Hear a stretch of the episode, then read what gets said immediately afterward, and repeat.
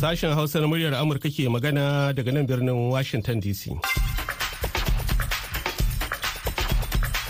Masu sauraro, Assalamu alaikum barkamu da wannan lokaci. Har yanzu dai Ibrahim Kalmasi Garba ne tare da Muhammad Hafiz Baballe da sauran abokan aiki muka sake dawowa a shirinmu na hantsi na yau ranar Asabar 25 ga watan Fabrairu. Wato ranar da ake babban zaɓen Najeriya kamar yadda aka sani. A cikin shirin za mu ci gaba da kawo maku rahotanni da bayanai game da zaɓen na Najeriya. To amma yanzu sai a gyara zama a saurari labaran duniya. Jama'a assalamu alaikum ga cikakkun labaran duniya mai karantawa Muhammad Hafiz Baballe.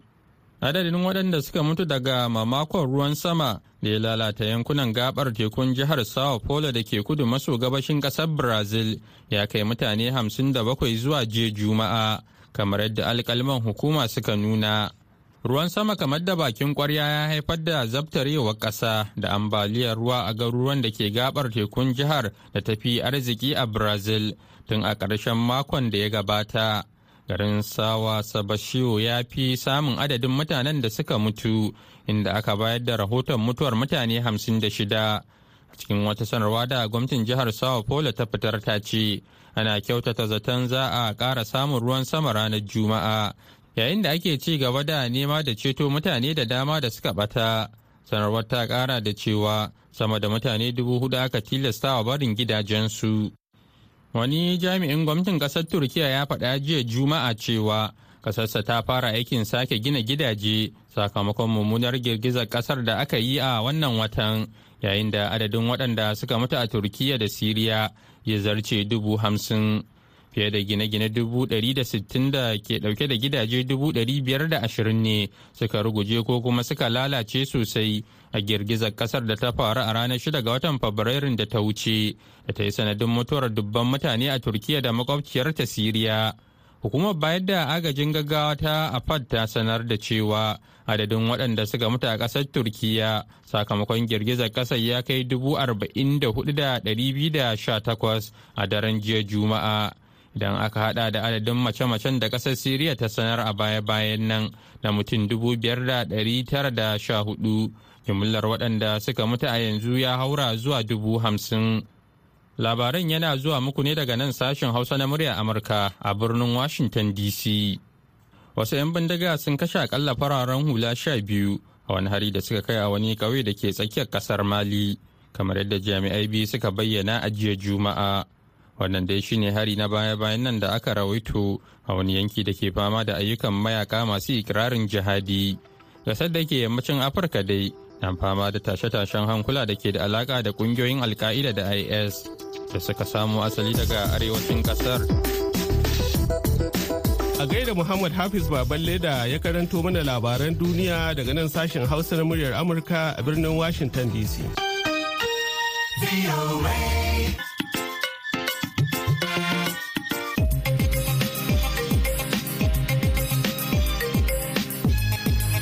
Yanzu kuma bari mu koma kan zaɓen Najeriya.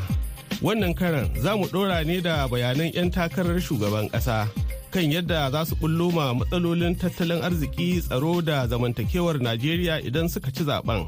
Shugaban sashen Hausa Aliyu Mustapha Sakkwato ya fara da tambayar ɗan takarar PDP Alhaji Atiku Abubakar cewa.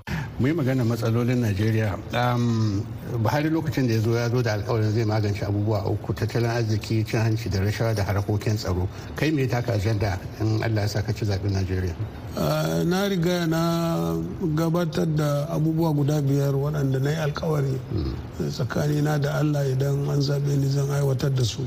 Da farko mun ɗauki alkawari za mu tabbatar da an samu haɗin kan najeriya. Domin yanzu najeriya ta ɗan samu rauni wajen haɗin kai tsakanin kudu da arewa musulmi da waɗanda ba musulmi ba da sauransu. To na yi alkawari zan duk abin da zan yi samu an samu haɗin kai a najeriya. Na biyu na ɗauki alkawari za mu tabbatar da cewa harkar tsaronmu ya samu kyakkyawan mana yadda za mu yi mu dawo da zaman lafiya. Na uku farfado da tattalin arzikin ƙasa. Nan mun ɗauki alkawari na wannan. Na huɗu harkokin ilimi. Kowa ya sani jami'unmu wajen wata takwas ba a buɗe su ba. To mun ɗauki alkawari ba za a sake samun irin waɗannan abubuwa ba. Kuma za mu ƙara ba da ƙarfi musamman ma kuɗaɗe domin mu tabbatar da harkan ilimi ya bunƙasa a ƙasan ƙwarai da gaske. Sannan na biyar shine mun ɗauki alkawari za mu ƙara wa jihohi da kuma ƙananan hukumomi ƙarfi. harkan gwamnati da kuma kamar su zama masu yancin kansu? suna samu abin yancin kansu da abubuwa da yawa. Ma'ana za mu rage ƙarfin gwamnatin tarayya amma dai za ta samun kuɗi da kuma yawanta. din. Bari mu kokwance wasu babban abin da ke da mutane najeriya yanzu tsaro bari mu fara da shi. Ta yaya za ka tunkari yanzu wannan sabon matsalar da ake samu tafiya ma a cikin najeriya ta yi wuya? Saboda mutane da ke kawo mutane suna neman fansa. Har yanzu ba a gama da harkar boko haram kwata-kwata ba ga su isuwar da sauransu. Ta yana za ka bullo wannan magana tsaron nan ne kan zai sha bambam bullo kafin a gyara tsarin mulki. Domin in muna so mu ba jihohi da ƙananan hukumomi waɗannan sauran irin waɗannan ayyuka tilas mu gyara tsarin mulkin najeriya. To kafin a gyara tsarin mulkin najeriya muna da niyya mu ƙara ɗaukan ma'aikata musamman wajen harkokin 'yan sanda da kuma masu tsaron lafiya kuma mu samu musu kayan aikin yi da kuma mu tabbatar da albashinsu ko kuma zamantakewansu ah, ya zamanto wanda ba zai sa su shiga waɗansu halaye ko na cin hanci da rashuwa da sauransu ba yana ɗaya daga cikin abubuwan da muke so mu yi. wasu na cewa ɗaya daga cikin abin da ya sa magance tsaron da yake da wuya shine ba a zartar da hukuncin da ya cancanta akan mutane da ke a yanzu al misali masu sata mutane masu kisa masu boko haram da sauransu.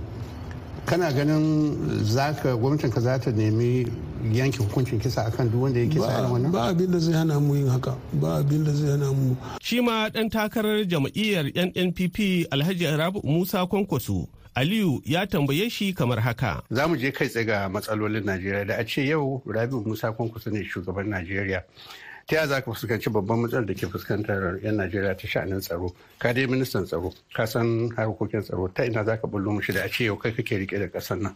Allah ya ba mu yawan rai da lafiya kuma mun ga dukkanin waɗannan abubuwa musamman maganar tsaro da kai. Harkar tsaro harka ce wacce ta shafi abubuwa da yawa. Abin da ita ya shafi harkar tsaro na abinci harkar tsaro na ilimi harkar tsaro na zaman lafiya da sauransu da sauransu. Wanda dukkanin wannan su suka zo suka haɗu suka yi abin da muke cewa harkar eh, tsaro. Domin ma'aikai jama'a babu ilimi jahilci yawa dole za a rinka samun matsaloli na tsaro. Hakan yara jama'a babu aikin yi ba sana'o'i tattalin arzikin ƙasa lalace dole za a samu matsala ta tsaro. To wannan na san kai kana maganar yadda mutum zai tashi daga nan ya tafi a kaduna lafiya kalau mutum ya rufe ɗakin ma bai rufe ba ba shi da damuwa da sauransu kamar inda muka sani da can. To wannan in allah ya yarda abubuwa ne wanda za a yi su da yawa. Na farko dai za mu yaɗa harkar ilimi.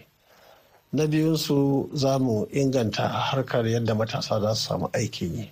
Kamar inda muka yi a kano harkar ilimi harkar sana'o'i ta yara da kuma yin abubuwa wanda za su kawo kwanciyar hankali da samun aikin yi musamman irin wannan infrastructure hanyoyi da asibitoci da sauran abubuwa waɗanda yin aiki kansu yin su sa matasa su samu aikin yi da mutane masu sana'o'i daban-daban. Lokacin da ake ministan tsaro abubuwa su ɓaci kamar da suka ɓaci ba yanzu. Me kake je sa ya sa najeriya a halin da take cikin yanzu abubuwa suka lalace harkar tsaro kamar da kace tafiya daga nan zuwa cin tana waya yauwa shine nake gaya maka. Ai na farko kuskure da za ka yi kai shugaba shine idan baka sami sam- siyasa yadda ya kamata ba. In ka sami matsala ta harkar siyasa ka yi abin da bai dace ka yi ba to nan ma zai fara kawo fandisho na samun matsala na abin na tsaro. Kuma idan abubuwan da ya kamata ka yi waɗanda suka hada da haɗa kan al'umma ba a same shi ba shi ma zai iya kawo abubuwa na tsaro. Amma dai babban abu dai shine banda wannan aikace-aikace da za a zo kowa ya sami wani matsayi wanda zai ga cewar ana yi da shi. Akwai magana kuma na mutane waɗanda suke a halin yanzu musamman a matasanmu wanda suka ɗauki makamai suka shiga dazuzzuka suke yin abubuwa wanda suke bai dace ba. Dukkanin wannan abubuwa ne wanda za a duba a tabbatar da cewar abubuwan da suke nema ko suke faɗa wanda ya kamata gwamnati ta yi za ta yi. Mutum ya zo ya ce ba shi da gurin kiwo ko mutum ya zo ya ce a wajen nomansa ga irin matsalar take ciki ko mutum ya ce ga matsala duk irin wannan abubuwa gwamnatinmu za ta duba. Amma babban abu dai shine yayin da duk aka gama wa'annan mutanen da suke ganin cewar dole dai sai sun kawo rudani a cikin harkar rayuwa al'umma. Wannan eh kamar waɗanda suke ɗaukan mutanen wanda suke zuwa suna an da yana son a zargi fulani da wannan abu. Kana jin fulani ne ko kuma abu ya zama gama gari? To mu a tsarinmu na jama'iyyar nnpp ba ma faɗan wani yare ko kabila ko wani addini ko wani abu. Wanda muke magana shine mutane masu laifi. Kowa yake da laifi kuma masu laifin nan suna nan a kowace kabila kuma suna nan a kowane addini. Ita ma jama'iyyar Leba ta ce tana da hanyoyin magance matsalolin Najeriya muddin ta ci zaɓen. To amma Aliyu ya fara ne da tambayar ɗan takarar mataimakin shugaban ƙasa na jama'iyyar Sanata Yusuf Dattu Babu Ahmad kan yadda Najeriya ta tsinci kanta a yanayi na yanzu sai ya ce. Na ɗaya rashawa. Cin hanci da rashawa. Cin hanci da rashawa. Da ake baiwa. Da gwamnati ta kafa a kai da kuma gwamnati take rayuwa a kai. Na biyu yadda ake gudanar da siyasar demokradiyya. To ta yaya hakan ya shafi tsaro? Kaga tsaro wato samar da shi ake. Maimakon in ce sayan shi ake samar da shi ake tsaro. Sannan kuma idan aka ce maka kai ya lalace gangan jiki zai bi. Abin da ke faruwa a najeriya balle daga 2015 da farko an dan tsorata cewa an yi za a yi maganin rashawa. Saboda gyara najeriya fa ba mawuyacin abu ba ne. Ka samu shugaban da zai cire san rai ne. Kana cire san rai an ɗau hanyar gyara. Amma shi shugaba shi kadai zai iya wannan abun ko tare da taimakon jama'a su kansu? Eh dole. A wani ayar alkur'ani ce. Yanayin al'umma baya gyaruwa sai sun canza wa kansu wannan yanayin. Wannan ayar alkur'ani ce kuma ba abin da zai canza ta. Amma kuma samun shugaba na gari shi ma daga cikin al'ummar na ake fitar da shi. Amma yanzu ita irin irin hanyoyin da aka bi wajen kafa gwamnati kaga ba sai na kira suna ba. Mu duba mu gani. Akwai kuɗin rashawa akwai kuɗin banza da aka kashe wurin kafa gwamnatin nan? Mutane sun ji cewa dole sai sun mai da kudinsu ina maganin tun 2015 da irin siyasar da ta faru kafin sannan. Inda kuma na ce maka inda ake gudanar da siyasar najeriya. A lokacin da ake samun gwamnoni da za su je su tada rundunan yara masu zaman banza a gari su ɗauke su haya su ba su kuɗin shaye-shaye da kuɗin makamai don kawai a je a fidda gwani na kansu. A lokacin da gwamnoni ke raya irin waɗannan abubuwan ba su san cewa zai zo ya haifar ma najeriya wani babban matsala ba. To waɗannan ne fa aka dinga amfani da su aka kawo inda ake ciki to me me me amsar labour party? Wani shiri labour party ta yi ta magance wannan cin hanci da rashawa in a ce ku ne da gwamnati.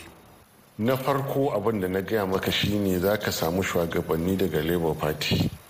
Peter obi da ne wanda suka cire. Amma shi ma peter ya barin kare kare mun riga mun cire duk wani abin son rai. Duk wani son rai mun riga mun cire shi mun sadaukar da shi. In ba halaliyan mu ba ba mu san komai. Kuma allah da iko wato ba wai abin alfahari ba ba abin gadara ba. Wanda da ya mallaki banki tun yana ɗan shekara arba'in kuma har yau ba a je yana wayo allah ba ya yi gwamna ya sauka lafiya. Ba wani abin duniya da zai nema yanzu. Amma ka san shi kaga kamar ni na'am. alhamdulillah ina da wadatan zuci. Dan abin da nake da shi alhamdulillah ya ishe ni.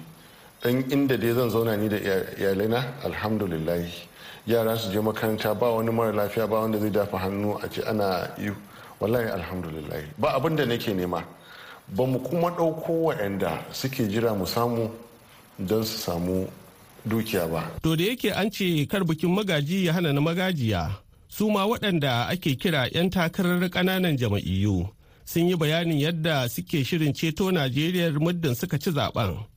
Yanzu dai bari in za ku ɗa gefe. Halima abdulra'uf da gabatar da wannan babin. Kimanin jam'iyyu sha takwas ne za su shiga takara a zabukan najeriya da za a yi a ƙarshen watan nan na fabrairu. Sai dai jam'iyyu da suka fi shahara su ne guda huɗu da ke kan gaba yayin da sauran jam'iyyun kuma jama'ar ƙasar da dama ba su san su ba. Ballantana ma waɗanda suke yi musu takarar shugaban ƙasa. A ɓangaren sauran jam'iyyu da ba a fiye jin ɗuriyarsu ba suna cewa suna da manyan shirye-shirye da za su aiwatar idan suka samu damar ɗara kan karagar mulki. Ababen da suka fi damun waɗannan 'yan takara na akasarin sauran jam'iyyu su ne matsalar tsaro ƙarancin sabbin takardun kuɗi da ya sanya ɗan ƙasa cikin wani yanayi kuma da tattalin arziki kuma baya a fannin aikin noma da ilimi da dai sauransu. A cewar ɗan takarar jam'iyyar action alliance wato aa manjo hamza almustapha mai ritaya rashin adalci da kin mutunta dokar ƙasa na daga cikin matsaloli da suke yin tarnaki ga ci gaban najeriya. Inda duk adalci yake bin tsari da doka doka na najeriya sashe na huɗu ya ba kowane ɗan Najeriya yancinsa ɗaya daga cikinsu shine fitar da shi daga kunci ko abin da yake tsoro kare shi tallafa masa. To na farko abin da don muka san ba za mu iya ba mu ba ma faɗansa. Babban magana a nan shine samar wa ƙasar kuɗi cikin gaggawa. Wannan sirrinmu ne muka ɓoye yasa muke maganganu da kasuwar duniya akan yadda za mu yi da waɗansu abubuwa kuma bai shafi mai ba. So na biyu shine akwai sabon salo na tsaro kan tattalin arziki shine magana wutar lantarki. Akwai wata hikima da muka bullo da ita to maganar wutar lantarki da tsaro za su kafada da kafada daga abin da muka tasar da. Na biyu shine tallafi ga dukan bangarori na najeriya wato wanda ya shafi mata matasa. Amma kuma muhimmi ana shine misali mata wanda suke kasuwanci kanana da kuma manoma da masanta. Wa'annan su ne wanda za a ba su tallafi kai tsaye. Daga kuma abin da muka san zami shine mun kirkiro wata hanya da za mu samu kuɗi dala biliyon saba'in da huɗu a wata kuma a shekara ya zama biliyon 888 to in har za mu samu haka duk ɗan najeriya na yi imani zai alfahari da fasalin da muka fito da shi. Injiniya ya bagi yusuf sani shine ɗan takarar shugaban ƙasa a jam'iyyar action democratic party adp lallai abin da ya kai yanda ya kai. Bisa gaskiya ne mamaki nake yi don ganin nake kaman shi Muhammadu buhari wannan lokacin da muke ciki nake gani kaman lokacin ne ya kamata ya jajirce ya tabbatar cewa ya bar tarihi.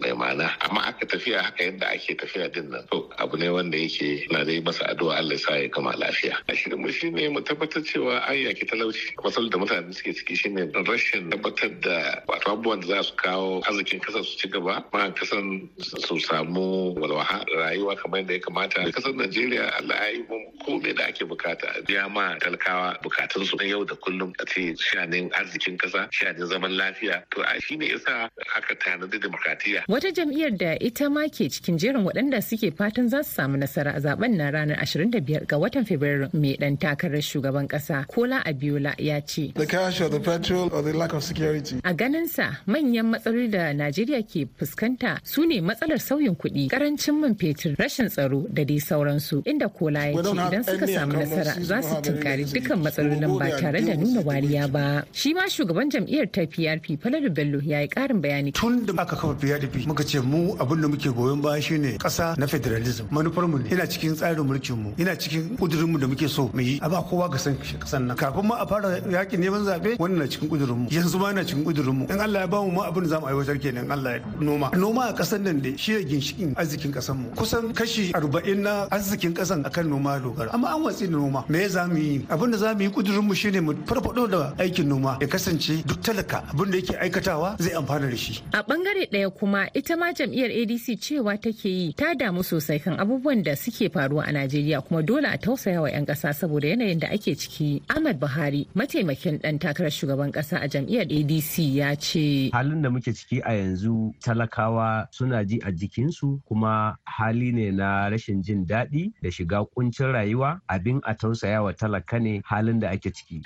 A yanzu dai 'yan najeriya ne za su yanke hukunci kan jam'iyya da 'yan takara da suke ganin za su magance musu matsaloli. Duba da kudirin kowace jam'iyya idan harakan na yin tasiri. Lima Abdulrahman murya Amurka daga Abuja, Najeriya. A gaida Halima, to yanzu fa mun kai lokacin da ya kamata mu yoyi batun tsaro yayin wannan zaɓen. Don haka bari babban wakilinmu na ɓangaren tsaro Hassan mai na kaina ya shigo. Yanzu da ya rage 'yan kwanaki a gudanar da babban zaɓe na ƙasa a Najeriya. Babban abin da ke zukatan 'yan ƙasar shine yadda zaɓen ke zuwa a daidai lokacin da da dama daga cikin sassan najeriya ke fama da kalubalen tsaro.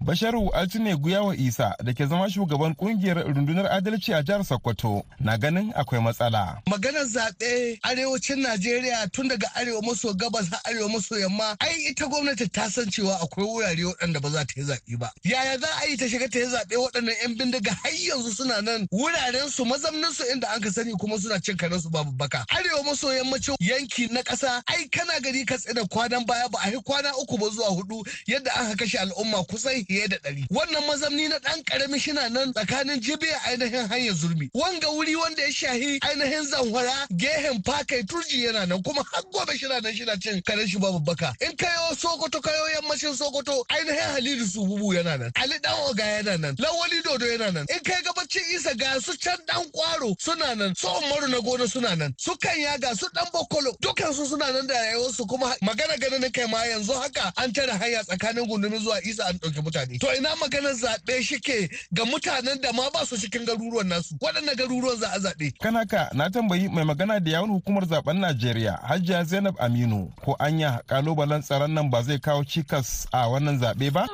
Jami'an tsaron sun mana alkawarin tsaron zai inganta kafin lokacin zaɓen kamar yadda har kullum hukumar zaɓe take faɗi aikin mu shine shirya zaɓe da gudanar da shi. Samar da tsaron ya ta'allaka ne a wuyan jami'an tsaro kafin zaɓen lokacin zaɓen da ma bayan zaɓen. Kwararru a sha'anin tsaro irin su Group Captain Sadiq Garba Shehu na cewar wannan zaɓe fa na zuwa ne a daidai lokacin da tsaron ya yi tsaro-tsaro a ƙasar. Na farko wannan zaɓe ya zo ne a lokacin da yake dama ko ba zaɓen akwai sha'anin rashin tsaro a wurare da yawa a Najeriya. To kaga wannan already akwai shi a ƙasa. Sannan kuma sai ya zama har yanzu akwai 'yan siyasan da ba su hankali ba siyasa ta banga siyasa na akai ma wannan hari so kaga da sha'anin tsaro wanda yake kwanci da kuma siyasa wadda ake ta hauka ta 'yan banga wanda bata kau ba so zai yi wuya duk da ana son hakan zai wuya a gaskiya mu mun kalli gaskiya ka ce wai za a yi zaɓen nan a cikin lumana a ko'ina. I do want to emphasize the importance of conducting a peaceful election. Mataimakiyar sakataren harkokin wajen Amurka mai kula da Afirka uwar gida Molifi ke jaddada mahimmancin gudanar da babban zaɓen Najeriya cikin kwanciyar hankali da lumana. To be peaceful. To shin wani irin shiri rundunar 'yan sandan Najeriya ta yi domin samar da tsaro? CSP Muyiwa Adejobi shine kakakin 'yan sandan Najeriya. The police as a lead agency when it comes to election security management. 'Yan sanda a matsayin mu na jagaban kan gaba wurin samar da tsaro yayin zaɓe tabbas muna da jan aiki. Sannan mun yi shiri da kuma tsare-tsare domin tsare shi wannan zaɓe na shekara ta 2023. Free, free and credible elections in Nigeria. Hassan mai na kaina muryar Amurka daga Abuja, Nigeria. A gai da Hassan, yanzu kuma bari mu ji muhimmancin zaɓe ga manyan gobe wato matasa. Wakiliyar sashen Hausa Hauwa Umar ta ji ta bakin wasunsu kamar haka. Sunana Shamsuddin Abdullahi. Shin zaɓe ma yana da mahimmanci a wajen ka? Tabbas do wani mai hankali ai zaɓe yana da mahimmanci a gurin shi. Zaɓe yancinka ra'ayinka da wanda kuma ka ga ya dace ya cancanta ka zaɓe shi. Muhammad Kabir mahimmancin zaɓe a wurina don kare yancin kaina da yancin ƙasa baki ɗaya da kuma al'ummar da za ta zo nan baya. Sunana Isa Muhammad Lawal. Mahimmancin zaɓe a wurina shine a samar da shugabanni madagarta wanda za su samu ma al'umma canji wanda za a samu sauƙi a cikin rayuwa. Sunana Ikilima Adamu. Aini a yanzu ma ban san mahimmancin zaɓen da za a yi ba. Ba ma ni da candidate din da nake so da zan zaba as a president. Sunana Muhammad Usman Abdullahi. Ta zaɓe ake canza shugabanni wadda suka yi wa mutane a san ransu kuma ta zaɓe akan iya ƙara jaddada shugaba idan ya yi abin ƙwarai kuma da zaɓe talaka suke samun dama ya samu canji ga rayuwarsa. Sunana injiniya Usman Rabi'u Bala. Wannan lokaci da irin yanayi da muke ciki a wannan ƙasa lokaci ne da yake da cikakken muhimmanci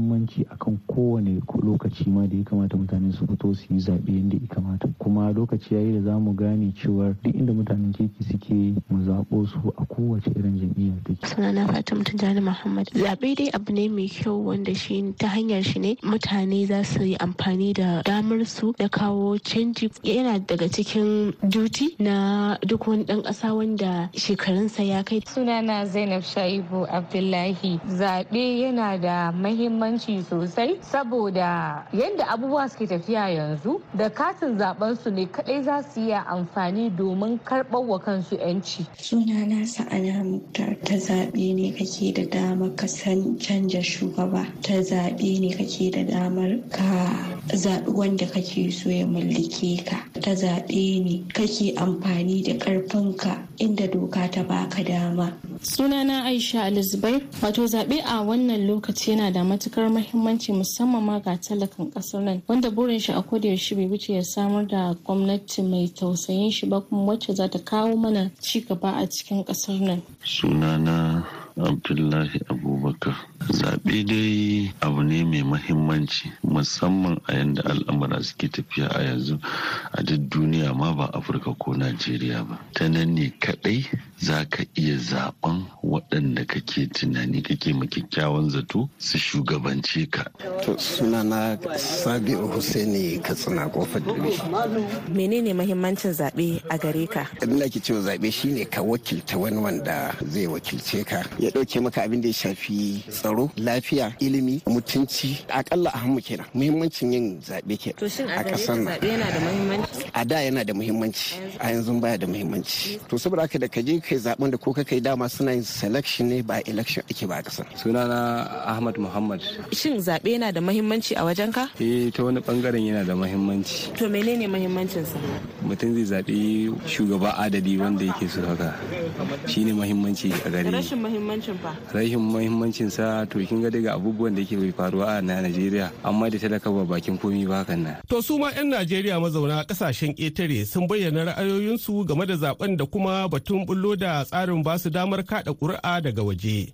Abokin aikinmu Muhammad Hafiz Baballe ya je ta bakin su kamar haka. Sana Jafar Jafar dan jarida ne ni amma yanzu ina gudun hijira a ƙasar Birtaniya. Ina fatan alheri ga ƙasa ta cewa ina so a yi zaɓe cikin lumana sannan haƙƙi ne ga gwamnati ta tabbatar cewa abin da aka zaɓa shi ɗin ne ya tabbata. Wannan ƙalubale ne ga babban sifetin 'yan sanda na ƙasa da babban darakta janar na wato hukumar tsaro ta farin kaya wato sss ya kamata wato su ma mutanen su ana amfani da su ana murɗe zaɓe a baya. Duk mun gani ba abin da ba a yi. To ya kamata wannan karan su ma su duba allah su duba annabi. Sunana fauziya ado ya kasai daga kano. Yanzu ina zama a toronto da ke ƙasar canada inda nake yin postdoctoral research a york university. Wannan zaɓe na yau ina ganin shine wanda 'yan najeriya ya kamata su fito su zaɓi nagari don ina ganin idan ba mu yi dace ba to ƙasar mu kuma sai da ya haƙuri. Ina kira da jama'a kuma su cire ƙabilanci su duba cancanta su tuna wahalar da muke sha musamman akan harkar tsaro da tattalin arziki. Su kuma wanda aka zaɓa su ji tsoron Allah su sauke nauyin da Allah ya dora musu. Daga ƙarshe ina addu'a Allah ya ba mu shugabanni na gari.